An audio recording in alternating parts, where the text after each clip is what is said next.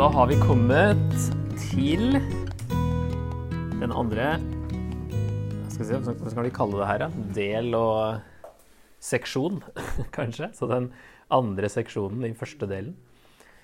Um, først at nasjonene dømmes, og så at hele jorden skal dømmes. Så det blir litt mer universelt fra kapittel 24. Det kapittel 7 til 12 snakka om, det er jo at eh, Asyria og nasjonene kan ikke stoles på, bør ikke stoles på. Kanskje 7-12 snakker om at de bør ikke stoles på, og så forklarer det her i denne delen hvorfor de ikke bør stoles på. Eh, ja, Så det henger jo sammen, selv om det nok er eh, kategorisert etter tema. For da kommer jo alt det her på ett sted. Og det kan jo hende at Jesaja ikke fikk alle disse budskapene samtidig, men at de er blitt eh, samla her.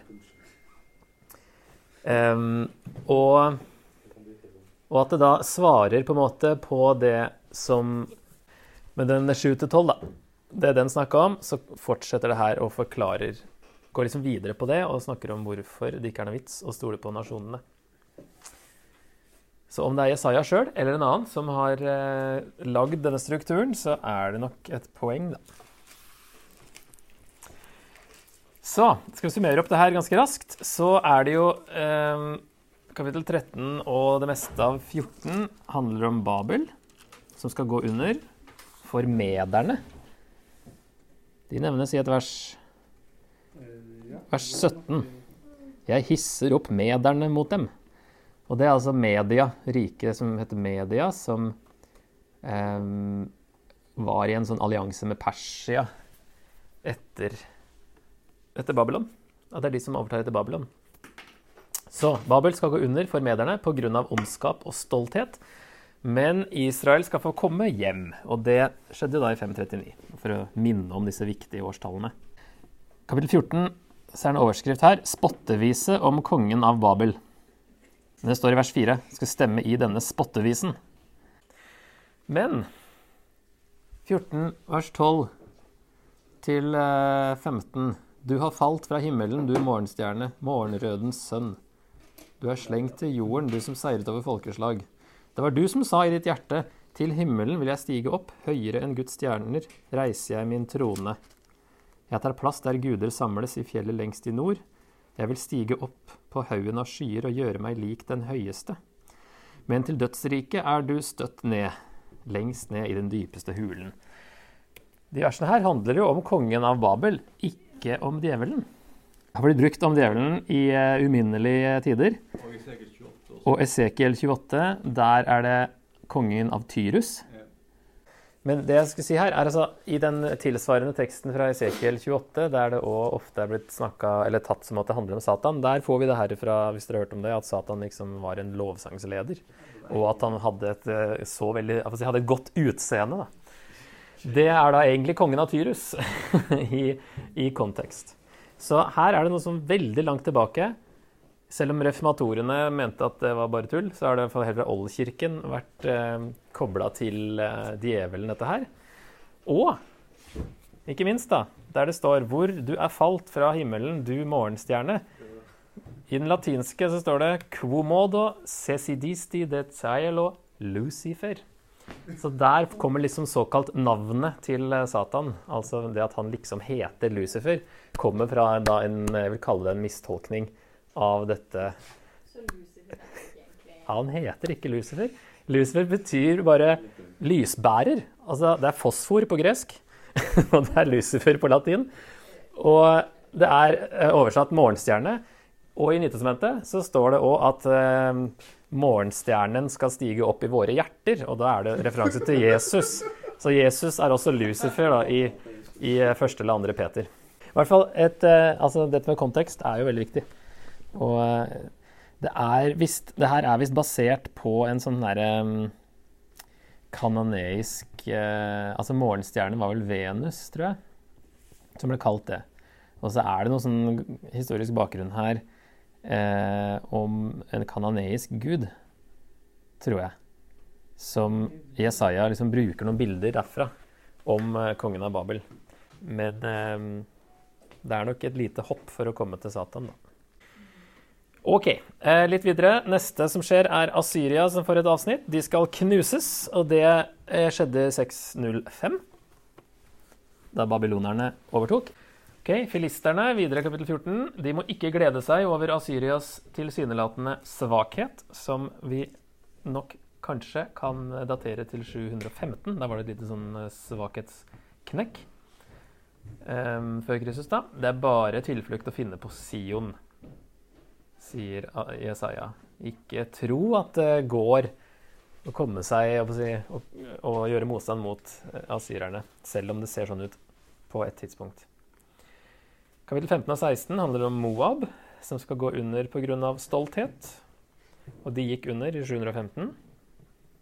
Etter det skal en davidskonge dømme rett. Og plutselig noe Messias inni der. Eller i hvert fall en davidskonge, da. I 1604. Eh,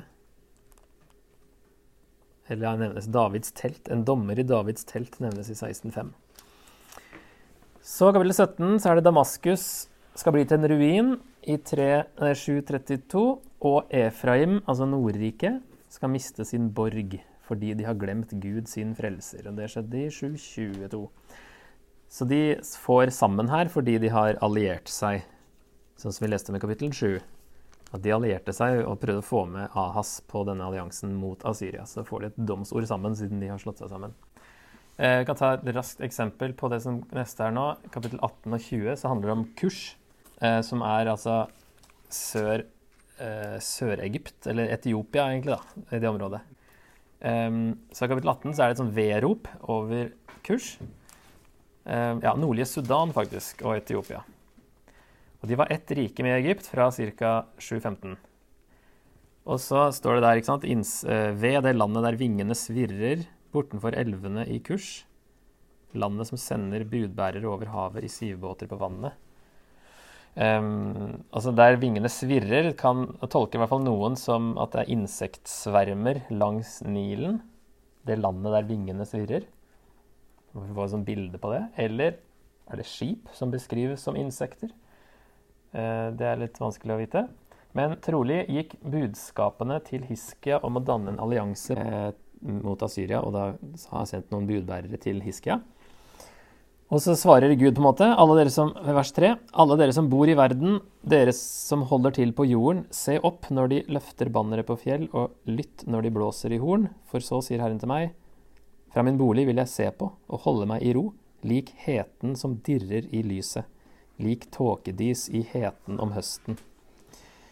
Um, og så sier han videre at uh, før høsten, når blomstringen er slutt og blomstene blir til kart, skjærer han skuddene av med kniv, fjerner vinranker, kaster dem fra seg. Alt skal bli overlatt til rovfugl i fjellet og villdyr på marken. Og så kommer en, en, en, dom her, men altså at Gud ser rolig på nasjonenes handlinger og vil stoppe Asyria selv, som han da gjør i 701. Og Hvis vi nå hopper til kapittel 20, så får vi dommen gjennom Asyria over kurs der, da.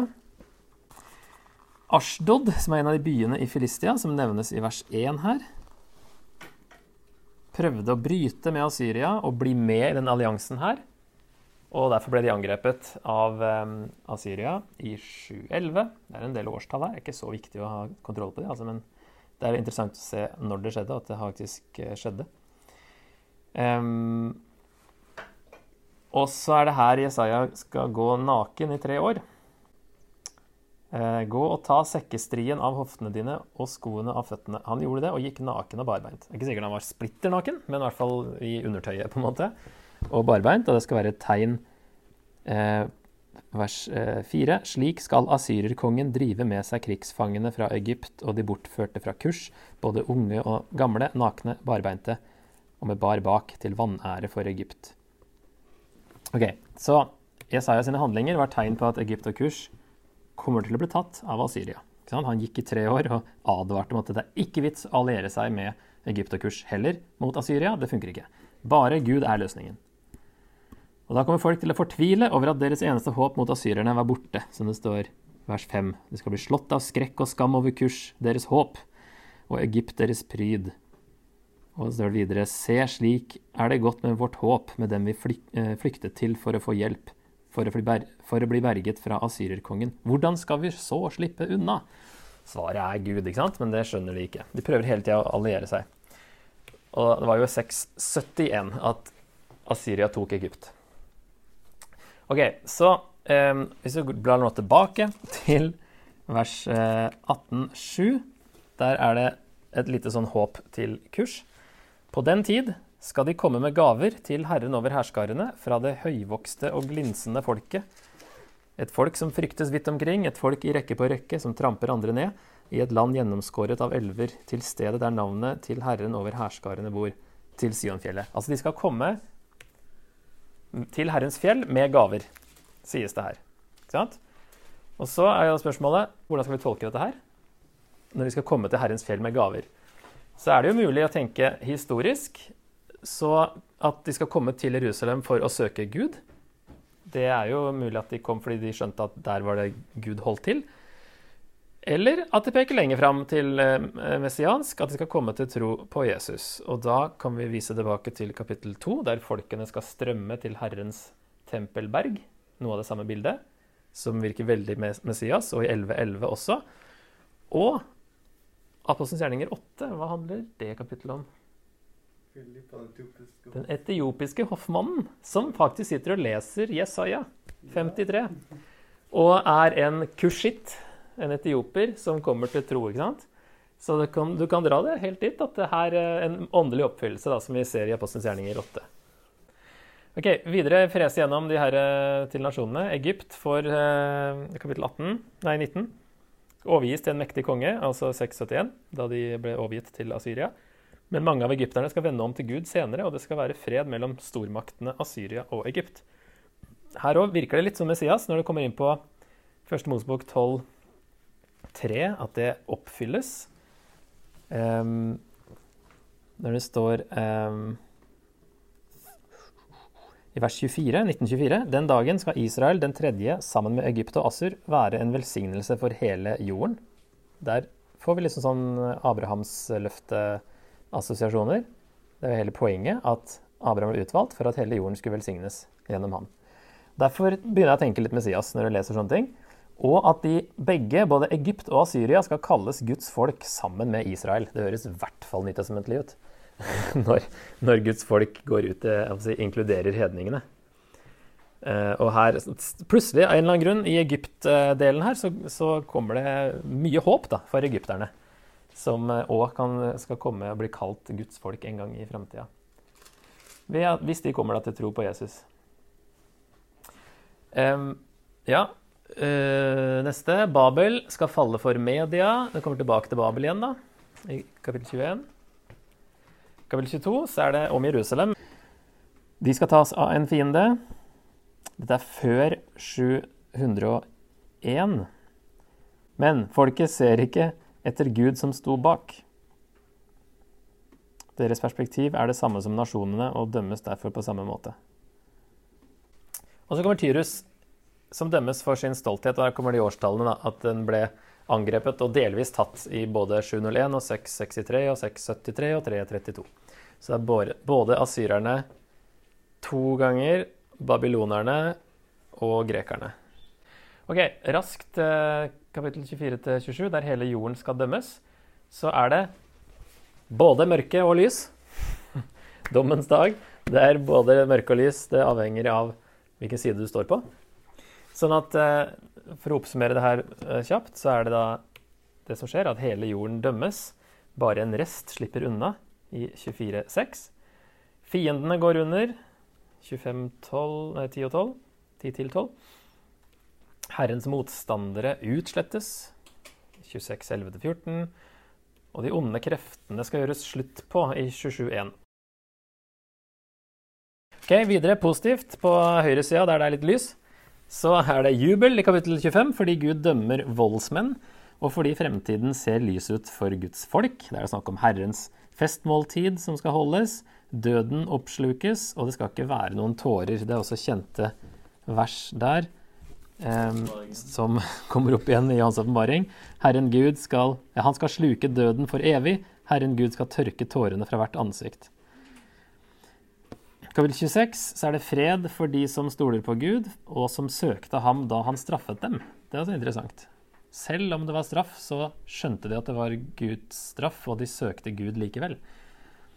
De skal nå frem til oppstandelsen fra de døde. Faktisk et av de få stedene oppstandelsen fra de døde snakkes om i Gammeltestamentet. Dine døde skal bli levende. Mine lik skal stå opp, våkne opp og rope av fryd, dere som ligger i støvet. For din dugg er en dugg av lys, og jorden gjør dødninger levende. Så det eh, snakkes Altså det er Daniel 12 har den andre sånn tydelige referansen til oppstandelsen fra de døde, men ellers så kommer liksom ikke det helt fram i lyset før Jesus eh, snakker om det. Kapittel 27, der er det denne vingården i kapittel 5 som eh, gjenopprettes.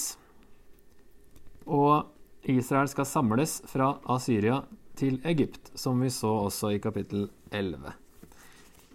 Så her er det universelt språk, og ses nok mye her fram til Jesu gjenkomst, da, egentlig.